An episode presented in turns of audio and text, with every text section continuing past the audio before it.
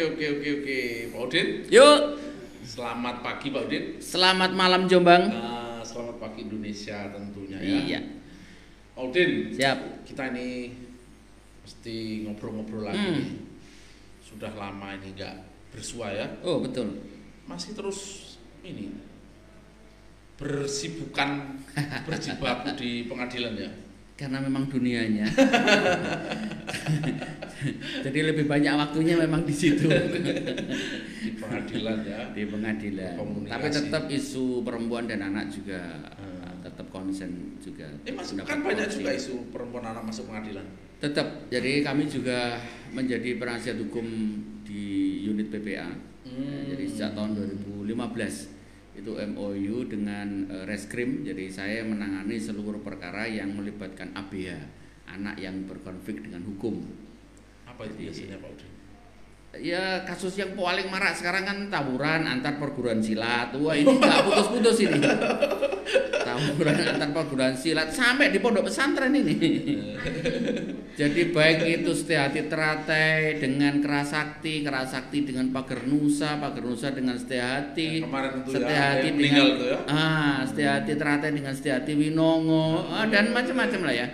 Ya artinya memang mereka punya energi. Itu kan anak-anak muda ya. Mereka Anak-anak punya muda. energi. Mereka punya energi Dan rakyat rakyat gitu ya. Rakyat Dan itu- tidak ada yang memfasilitasi energi itu tersalurkan dengan baik. Jadi akhirnya ya menjadi problem sosial, menjadi problem sosial. Tapi it's dan masih nyambung dengan malam ini kita ngobrol tipis Iya. Mas Udin.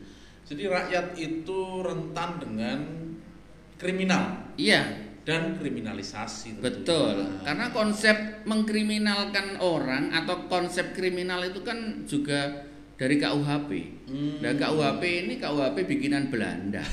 Sampai sekarang juga kita masih kekeh pemakai itu sebagai eh, dasar hukum kita untuk penegakan hukum. DPR malas mikir ya. DPR marah mikir 52 tahun godok ini sejak tahun 71 zaman eh, apa kabinet pembangunan 2 Ya. Pak Mukhtar Musumat Maja itu Ya. Sampai berurut-urut sampai Mu- Pak Muladi yang kemarin paling getol, untuk ya. masanya dia harus selesai tapi nggak selesai juga. selesai juga. Pak Yasona di eh, periode pertama ku betul sekali di jam pengennya ada semacam kayak kenang-kenangan gitu ya Hmm. biar eh, nanti bisa dikenang tapi ternyata juga nggak berhasil juga Nggak ada yang meninggalkan legasi.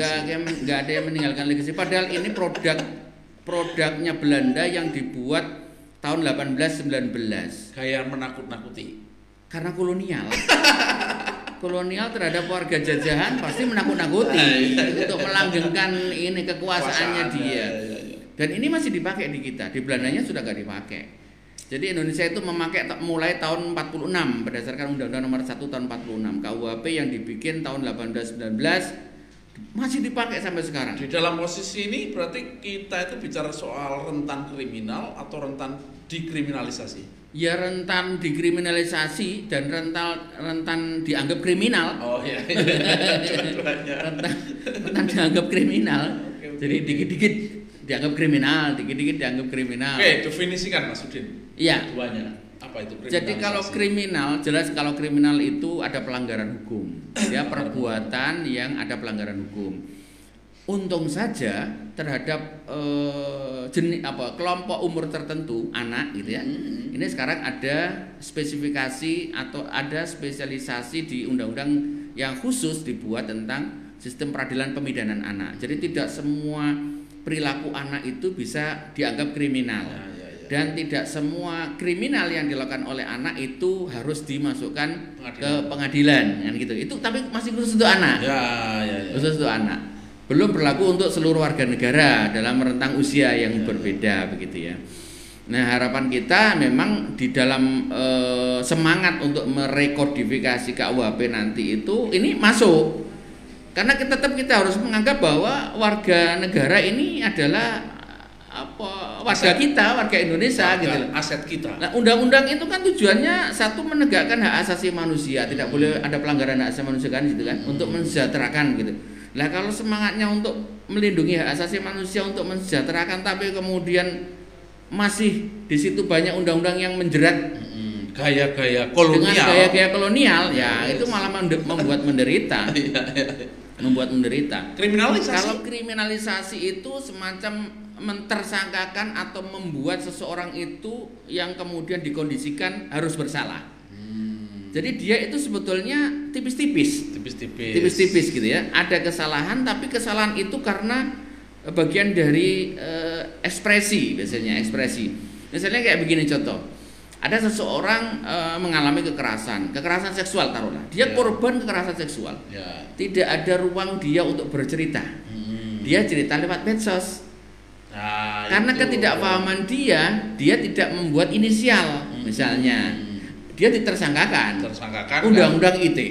eh, dengan laporan dengan laporan pencemaran nama baik, Baik. dengan laporan eh, apa istilahnya itu fitnah kan gitu ya, Hmm. dengan laporan fitnah atau staf sekolah atau staf sekolah yang, Yang melaporkan kasus. manajemen Heeh. membuka kasus di manajemen sekolahannya yang Heeh. menurut dia Heeh. tidak bagus, gitu kan? Tujuannya mulia tujuannya untuk mengembalikan ini ke semangat yang baik gitu ya, mengembalikan ini ke apa istilahnya manajemen yang baik tiba-tiba Nah, tiba-tiba karena dia sendiri misalnya nggak punya teman Ya. ditersangkakan. Ya, Nah, itu. karena yang mentersangkakan merasa terancam, ya, ya. terancam kan begitu. Jadi ini nasib rakyat, nah, rakyat kecil ya, Hmm, rakyat. nasib rakyat kecil yang negara itu belum mampu hadir Ya. ke melindungi warga negaranya secara secara langsung gitu kalau ya. ada undang-undang perlindungan saksi ya di Jakarta sana ya Jadi LPSK belum punya perwakilan sampai ke wilayah kabupaten kota,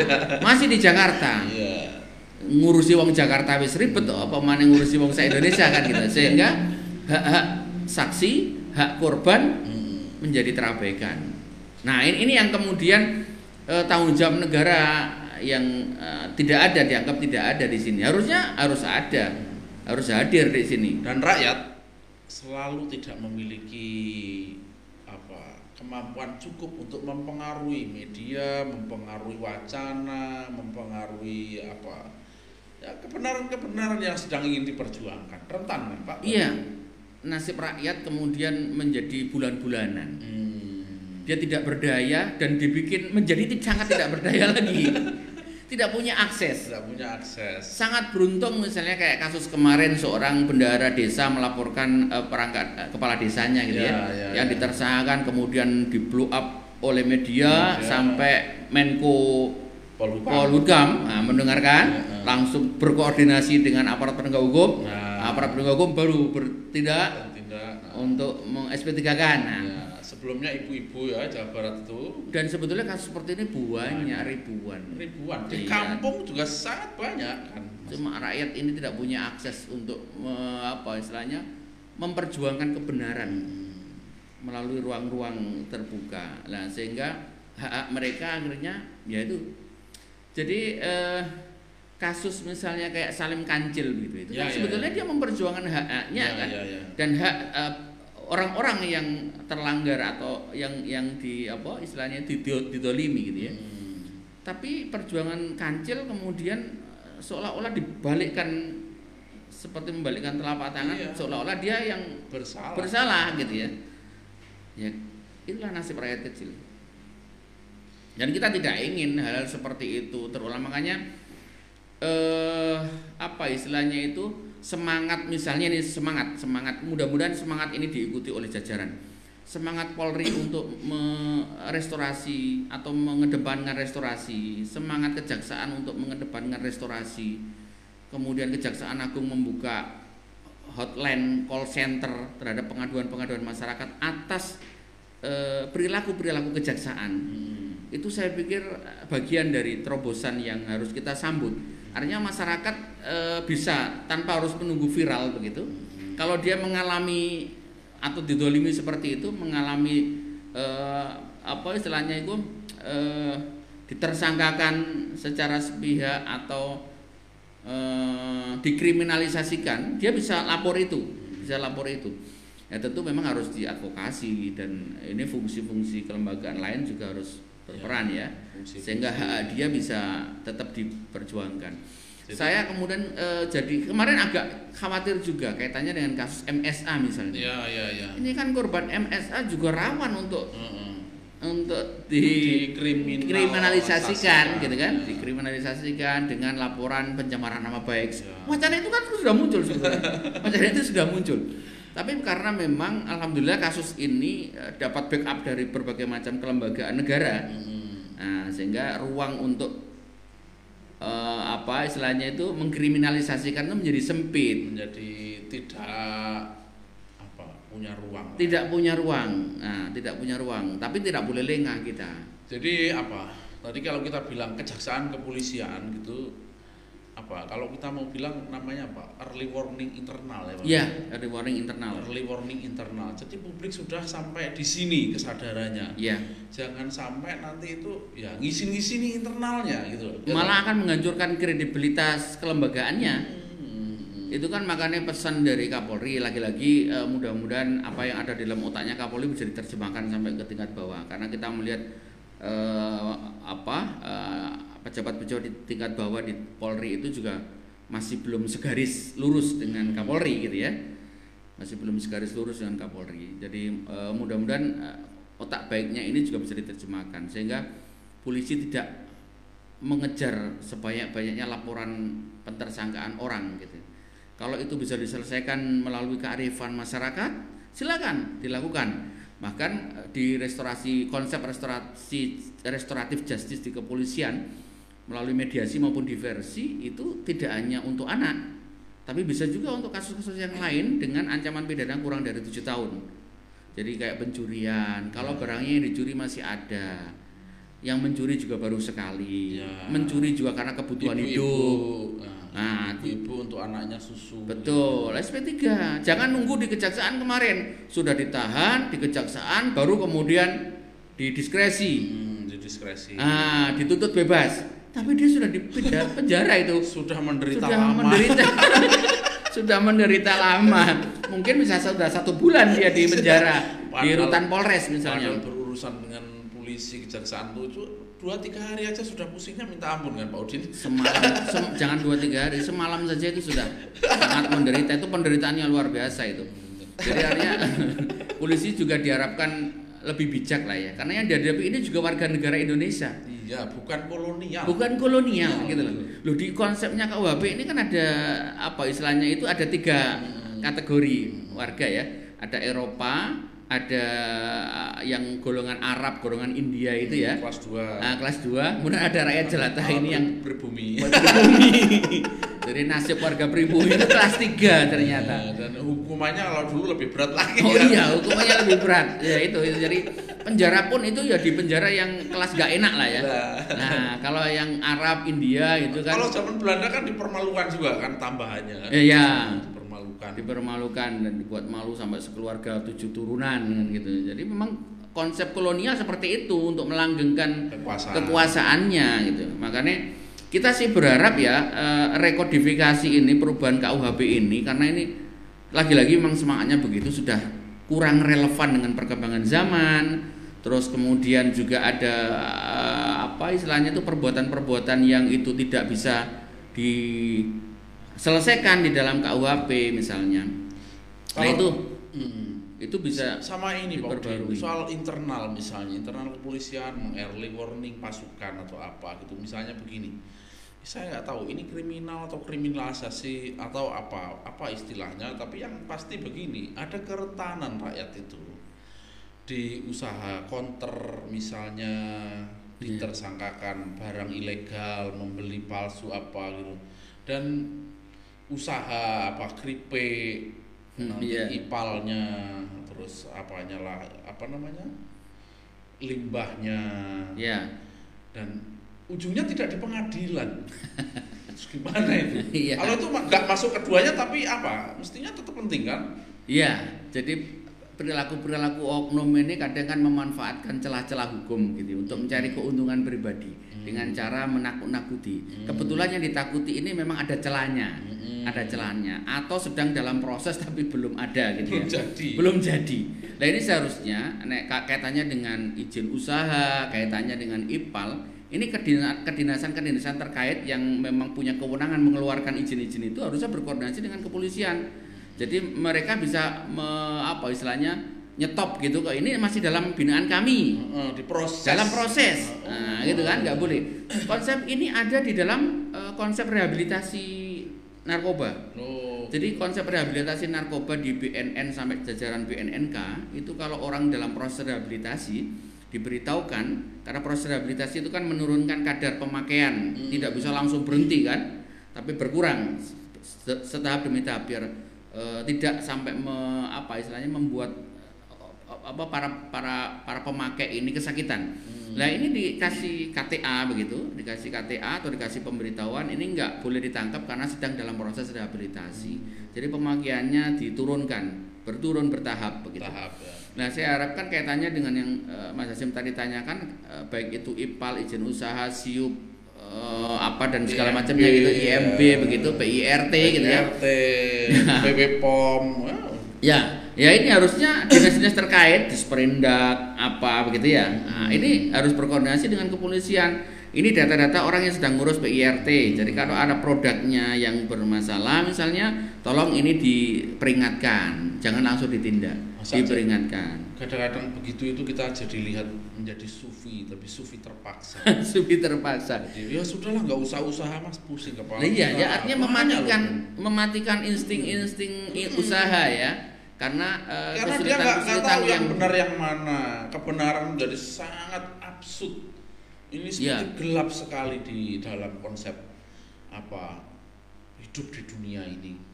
Kalau begitu itu kan sudah dekat dengan kufur ya, Me- Iya. mendekatkan usaha Iya. apa kena krimin kena apa ditakut-takuti usaha ganti lagi ditakut-takuti ada juga mas Udin itu yang begitu itu Loh, jangankan orang lain, saya ini pernah ngalami. Saya ini Oh. pernah punya eh, bisnis stick. Jadi Hmm. bikin 27 varian stick begitu waktu itu. Hmm. Tahun 2015 saya ngurus PIRT itu sampai sekarang nggak jadi PIRT Hmm. itu. Hanya gara-gara saya itu serumah dengan adik saya, adik saya di depan itu depan samping itu jualan eh, pupuk Mm-mm. Jualan pupuk. Lah istri di belakang rumah produksi itu bikin stick. Ajukan PRT nggak nggak keluar dengan alasan eh, apa ini ada kandungan zat kimia yang di area itu yang bisa mengganggu, nah, gitu ya. Terus kemudian saya mencoba mem- mem- mem- membersihkan itu dengan mengalihkan rumah produksi, tapi tetap nggak di, nggak dikeluarkan sampai sekarang. Ya sudah, usaha pun juga akhirnya nggak jalan, nggak dilanjutkan. Ini padahal setengah rakyat ini Mas Udin. Iya. Saya waktu itu juga Aparat mempertanyakan, mempertanyakan artinya kenapa nggak ada toleransi terhadap hal-hal seperti ini? Harusnya kan ditoleransi. Tugas Anda melakukan pembinaan. Iya, Apa iya. yang salah? Anda yang punya hak Iya, membina, iya. bukan membinasakan. Lah kalau ini membinasakan. Padahal itu setengah rakyat itu. Itu Lo aparatus hukum kan saya waktu itu sudah gini, apa tak gugat aja ya. saya bisa aja menggugat dia perbuatan tidak menyenangkan. saya bisa menggugat dia eh, baik itu material maupun imaterial, tapi eh, saya berpikir lagi sudah. Saya lagi nyari-nyari kemudian di komunitas kami itu di komunitas eh, perempuan mandiri itu yang ada hambatan-hambatan, silakan nanti kumpulin semua keluh kesahnya nanti kita advokasi bareng-bareng. bareng-bareng gitu. Artinya mental-mental pejabat itu harus dirubah. Jangan apa e, maunya itu sudah langsung jadi, maunya itu sudah langsung fix begitu. Padahal orang ini kan perlu proses. Nah, tugas mereka lah mendampingi proses ini. Hmm, Saya kok malah ke pejabat ya, nang polisi karo kejaksaan tadi soal kriminal. Iya. Nah, itu kan pejabat juga orang-orang yang punya kuasa, Oh, iya, ya kan? iya. Polisi melakukan itu kan karena punya kuasa. Iya, dan bahaya kalau dia melakukan kriminalisasi. Iya, dan bahaya ketika mereka melakukan kriminalisasi karena nggak Kriminalisasi. menganggap lagi itu sebagai eh, warga negara yang Hmm. yang harus dilindungi hak asasinya, tapi sudah menganggap itu objek untuk bisa dimainkan, Iya. untuk bisa ditekan, gitu kan. Jadi bisa saja kemudian itu menjadi balas dendam atau itu semacam order, order karena sakit hati. Iya, iya, iya, iya. Saya ini sakit hati dilaporkan. Iya, iya. Saya minta orang itu silakan dicari Sulit. pasal apa gitu. Nah, iya, sama deket. biar dia mingkem nggak ngomong lagi lah kan itu bisa itu order itu by Iya, order order. Jadi kriminalisasi lah. kriminalisasi kriminalisasi by order Iya. Jadi memang ini juga harus di ini ya, harus ada pengawasan ketat karena oknum itu juga kadang-kadang bisa keluar dari jalur jalur tugas dan fungsinya gitu. Makanya saya termasuk orang yang sangat apresiasi ketika nanti ke depan semua polsek itu tidak punya hak lagi untuk melakukan penyidikan. Malah begitu ya? Iya, sekarang kan Jombang baru tujuh. Oh. Percontohannya tujuh polsek kehilangan hak penyidikan. Gitu. Hanya fungsi binmas Oh. fungsi penyidikannya ada di Polres di unit reskrim. Hmm. Nah, saya sepakat. Fungsi lantasnya nggak ada juga. Nggak ada juga. Lantas langsung di Satlantas, satuan satuan lantas. Jadi fungsi polsek itu nanti pembinaan, lebih ke banyak ke binmas. Jadi membina eh, membina apa? keamanan membersamai masyarakat, Termasuk ini membantu restoratif. membantu restoratif, Restoratif, betul. Jadi menyempurnakan eh, tupoksi mereka di desa dalam bentuk tiga pilar, nah, Babin Hmm. Kamtipmas, Babinsa itu. Saya sangat sepakat konsep-konsep itu karena kadang-kadang yang paling nakal itu ya yang ada di sektor-sektor itu yang nggak bisa diawasi. yang nggak bisa yang diawasi, agak jauh diawasi. agak jauh dari eh, fungsi pengawasan. Hmm. Nah itu bisa aja dia. Jadi eh, apa alasan apa begitu cari-cari. Nah, jadi pas razia nggak semuanya lengkap, cari ratingnya, cari spionnya, sampai cari tutup pentilnya kan gitu. Itu sudah mencoba untuk mencari ruang apa yang bisa dimanfaatkan. Nah, itu kan sudah nggak Ya, benar itu. Kalau kalau kita lihat itu memang ya gimana ya? Ya begitu gitu. ya begitu. Iya faktanya masih. Saya ada. saya pernah me, ini membersamai orang yang ini apa orang yang punya counter. Hmm, Jadi hilang barangnya hilang, ya. yang diduga macam-macam yang diduga itu ya malah memberi ini malah memberi memberi umpan untuk dipukul. Oh, Nah, padahal sebenarnya kehilangannya sudah dilaporkan, Mas. Ya. Dilaporkan, sudah dilaporkan, nggak diproses dan Hmm. sama sekali setelah dipukul tuh nggak ada pertanyaan, misalnya memproses sedikit-sedikit atau untuk misalnya untuk kompromi untuk restoratif Ha-ha. justice nggak ada. Hah. Jadi polisi nggak mau memasuki substansinya mau. Ha, ha, ha. Nah, kayak gitu itu nggak mau. Coba kalau dimasuki substansi problemnya, bisa-bisa sebenarnya itu sudah apa win-win solusi kan? Ya, makanya satu hal yang eh, ini ba- bagian dari terobosan ketika Mahkamah Konstitusi eh, mengabulkan bahwa pentersangkaan itu juga masuk objek pra peradilan. Hmm. Pentersangkaan loh ya.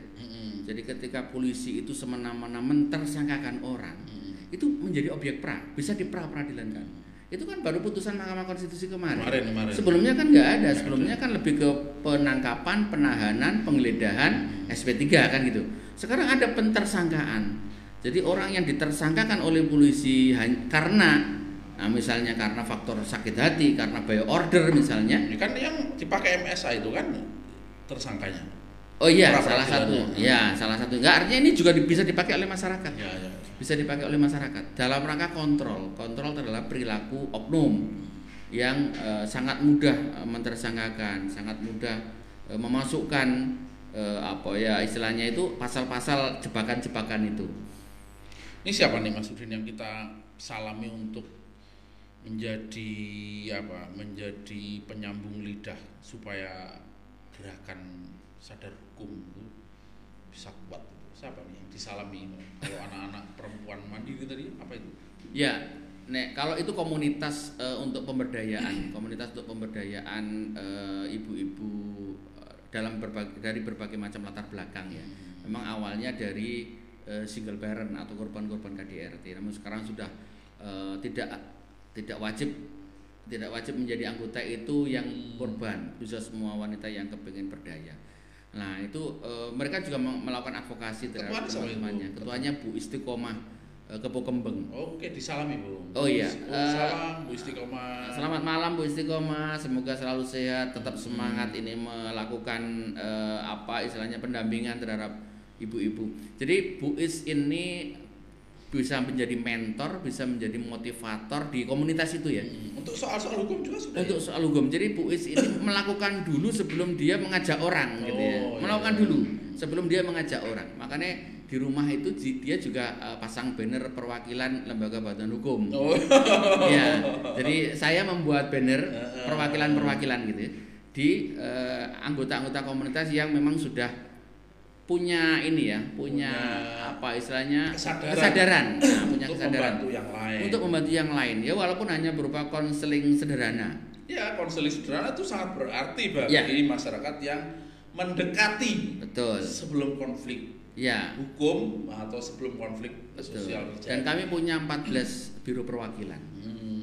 Biro perwakilan. Jadi maksud kami itu memang yaitu ketika mereka bisa melakukan silakan dilakukan. Yang terjauh siapa ini yang banyak kasusnya di Salam itu? yang terjauh teman-teman yang ada di Kabo, yang ada di Pelandaan, Banyak juga tetap- ada beberapa orang, ada beberapa orang.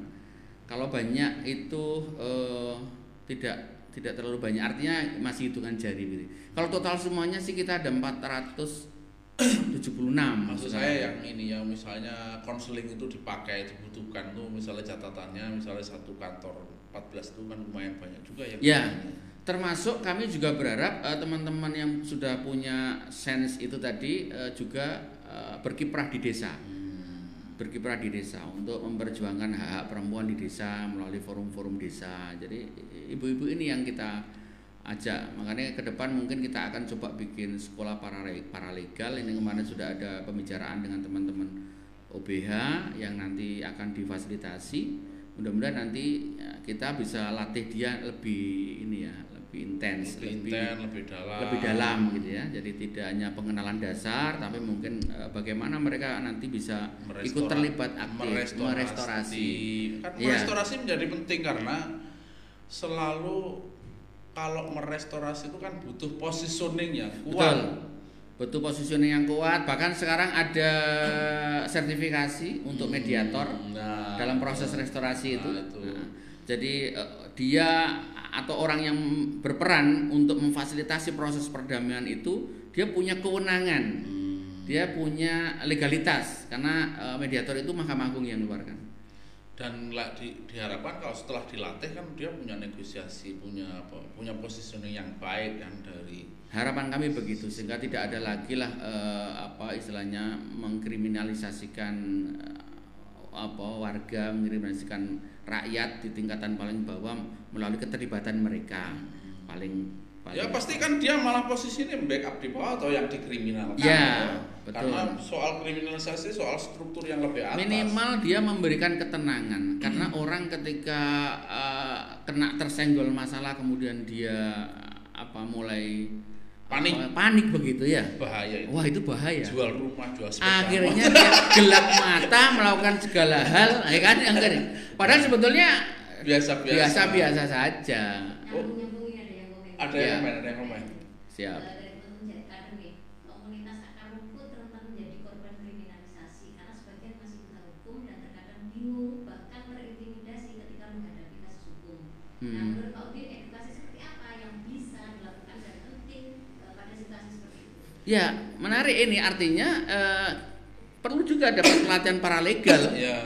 Bagaimana mereka memahami tentang konsep hukum, bagaimana mereka memahami eh, tata aturan eh, perundang-undangan yang terkait dengan eh, apa istilahnya upaya upaya hukum, Upaya ya kan, proses hukum. Nah, itu penting sehingga nanti bisa disampaikan ke masyarakat, bisa apa menjadi bahan edukasi ke masyarakat kaitannya dengan hak-hak dia apa. Ya. Misalnya hak dia ketika dia ditersangkakan, hak dia apa ketika dia mendapatkan tekanan, intimidasi. Kan begitu. Jadi jangan sampai kemudian karena buta hukum dimanfaatkan oleh orang yang ngerti hukum. Dan dimanfaatkan oleh yang mengerti, mengerti hukum. Nah, ini yang dimanfaatkan oleh preman. oleh preman, oleh preman yang mengatasnamakan hukum. Nah, ini kacau ini. Iya, Entek bebek, entek meris, Loh. kadang-kadang ya. kasus kasus kemarin itu ini agak sedikit keluar ya. Kasus kemarin itu eh, bukan lagi anggota Polri Gadungan tapi Jenderal Gadungan. Oh. Pangkat tiga loh. Oh, pangkat Bintang tiga, tiga, bintang itu. Letnan Jenderal Gadungan. Terus korbannya? MM-an. Oh, MM-an. MM-an. Oh, agak pantas, Mas. Iya, kalau bin- kalau. Bintara kan ratusan juta. Nah, maksudku iki nah, aku mau lucu gitu. Apa gadungannya misalnya bintang 3 terus korbannya 100 juta. Lah kadang-kadang orang-orang seperti ini, orang-orang yang terobsesi begitu kan beli ba- baju ini untuk mengkriminalisasikan orang atau me- apa mengintimidasi orang kan begitu. Oh, lama Lamongan kemarin Pak Udin, yang yang ini malah pengacara yang bawa mobil. Oh, iya. Ya, itu. Itu gimana itu teman itu Pak Udin? Teman sejawat dan kami mengecam keras aksi-aksi premannya dia itu, Oh. aksi-aksi yang tidak eh, artinya itu tidak sudah keluar dari kode etik gitu ya. Dibawa ke Peradi enggak? Belum. Jadi ini sudah dilaporkan ke Dewan Pengawas, gitu ya, Dewan Kehormatan. Nanti Dewan Kehormatan lah yang akan eh, melakukan sidang, apakah dia masih layak untuk dapat KTPA, gitu ya. Hmm. Tapi sekarang ini jadi polemik ketika banyak organisasi advokat, ada hampir eh, 47 organisasi advokat Loh, yang saya tahu Sudah sepanjang. tidak hanya Pradi sekarang, tapi banyak organisasi advokat. Jadi ketika dipecat di satu organisasi, pindah ke organisasi yang lain, dipecat di organisasi yang kedua, pindah yang ketiga, gitu kan. Jadi dia tetap jadi advokat, tapi di berbagai macam organisasi. Loh ini kan kacau. Ini kan juga jadi problem ini. Makanya eh, Pak Oto selaku ketua DPN itu eh, mengharapkan kembali ke single bar itu dalam rangka untuk hal-hal seperti ini. Jadi untuk eh, mengontrol perilaku-perilaku advokat karena kalau sudah banyak organisasi nggak akan terkontrol lagi. Gitu ya. Itu Ya. teman-teman JR Kadem tadi Ya. yang tanya jawabannya sudah cukup jelas. Oh silakan bikin eh, acara saya siap hadir gratis, nggak usah kasih apa-apa. Nah, nanti kita akan coba eh, apa eh, edukasi masyarakat Hmm, lewat saya baca jadi komunitas akar rumput itu rentan menjadi korban, kriminalisasi Iya. sebagian masih buta hukum terkadang bingung terimpin intimidasi terhadap kasus-kasus hukum. Nah itu sudah dijawab tadi ya. Ya. Kemudian Pak Pak Erwantoro. Ya. Ingat Erwantoro itu? Irwan Mas Irwan oh, oh, tua itu aktivis. Ya dulu ya. Iya. nyimak itu maksudnya Oh, Selamat malam Mas Irwan. Semoga tetap sehat, Hmm. tetap semangat. Iya. Oke, Ap- oke. apalagi ada pasal 55 pasal turut serta. Misalnya begini Mas Hasim punya sepeda motor nih, sepeda motor tak pinjem. Mas Hasim kenal dengan saya akrab teman. Iya, teman, Nggak teman. pernah curiga sepeda motor mau saya pakai apa. Mm-mm. Saya tak pinjem sepeda motor, tak pakai ternyata untuk nyopet misalnya Ya. atau untuk ngambil barang orang lain. Sepeda motor yang menjadi barang bukti, Mas Hasim dianggap turut serta karena tidak hanya sekali meminjemin saya. Wah, Itu rawan. rawan bergaul Niat sampean baik meminjami ini dan nggak pernah tahu untuk apa penggunaannya. dan ini tapi biasa- terjebak di sini. dan biasanya pergaulan ini model-model malah sosial Nah, orang iya. sosial ya Orang-orang sosial. orang-orang yang care Iya. terhadap teman gitu. Betul. ternyata dipakai kejahatan Dia pakai kejahatan. Seperti kasus kemarin misalnya di daerah Megalo, dia itu punya teman oleh tem- oleh temannya ini di apa dikenalkan dengan seorang perempuan. Kemudian kalau pacaran nggak usah di tempat yang lain di rumah saja. Hmm. Rumah saya itu aman. Nah, ternyata di rumah itu juga dipakai oleh pasangan muda-muda ini ti- tidak hanya pacaran yang normal tapi juga pacaran yang sudah tidak wajar lagi begitu melakukan hubungan. dewasa. Iya, ya akhirnya pemilik rumah yang awalnya niatnya baik memfasilitasi ben nggak pacaran di luar malah jadi kena. kan begitu. Ya artinya ya hal-hal seperti ini kalau kita panik kita diweden-wedeni begitu wah sudah. Ah, s- mau teh bentek meri sak kandang-kandangnya ya. Sak kadang-kadang telurnya ya katut pisan. Saat sepeda motor ya melak ludes kan gitu. Nah, jadi kalau kita paham hukum kita bisa milah-milah mana yang kira-kira bisa menjerat kita atas perbuatan kita dan mana itu yang kita bisa bisa mengelak karena kita juga tidak tahu gitu kan. Sama ketika seorang prajurit diperintahkan oleh pimpinan eh, komandannya untuk melakukan kejahatan. Prajurit itu tidak punya eh, pilihan lain kecuali harus menuruti. Maka ketika terjadi perbuatan, maka prajurit ini aman karena dia tidak punya pilihan lain dan diposisikan harus nurut. Ya, nah, ya. yang membuat perintah ini yang Kena, bisa ya. dikenakan. Kalau itu prajurit, lalu rakyat kan ya tadi itu turut serta ketidakamanan masih masih harus menjadi PR banyak orang untuk lebih cerdas menjadi rakyat. Iya, ini tugas kita bersama untuk mencerdaskan. Makanya melalui KR 53 ini saya pikir juga bagian dari media untuk mencerdaskan masyarakat gitu ya, biar semakin melek hukum.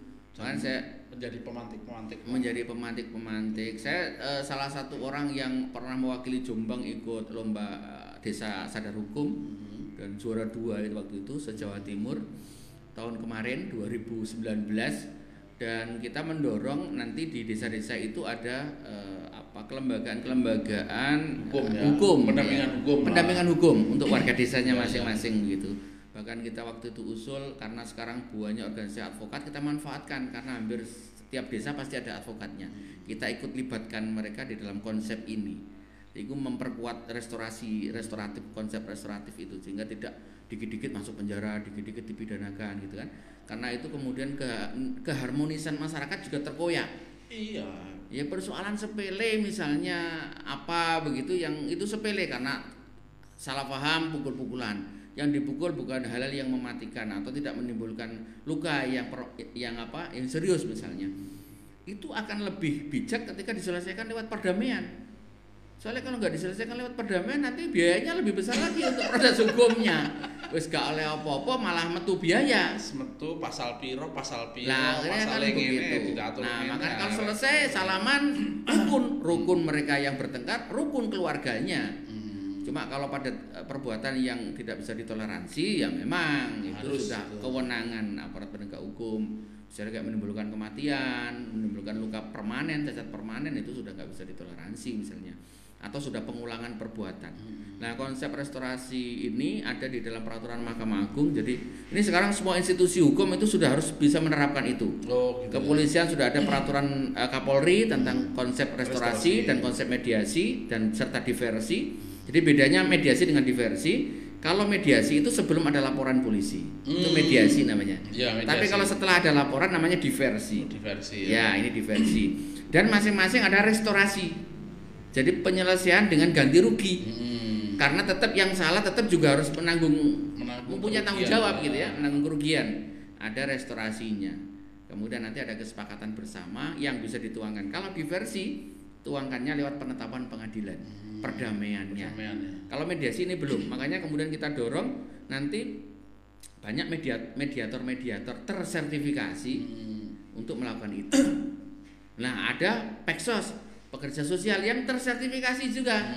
Wah, artinya keilmuan mereka memang eh, apa istilahnya itu Dibekali Ah, ah, untuk ada- kecukupan untuk kecukupan melakukan itu. tugas-tugas fungsi itu. Oke, terima kasih Oh, Mas. Udin terima kasih dan semoga bermanfaat dan Amin. terima kasih juga kepada semua yang sudah nyimak, bertanya dan apa melihat-lihat, nginceng sudah boleh.